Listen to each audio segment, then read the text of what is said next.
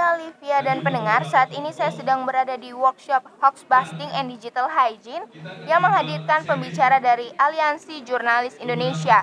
Workshop ini akan membahas tentang pengertian hoax, jenis-jenis hoax, dan tips and tricks untuk mencegah penyebaran hoax. Sekian informasi dari saya kembali kepada Olivia di studio. Karena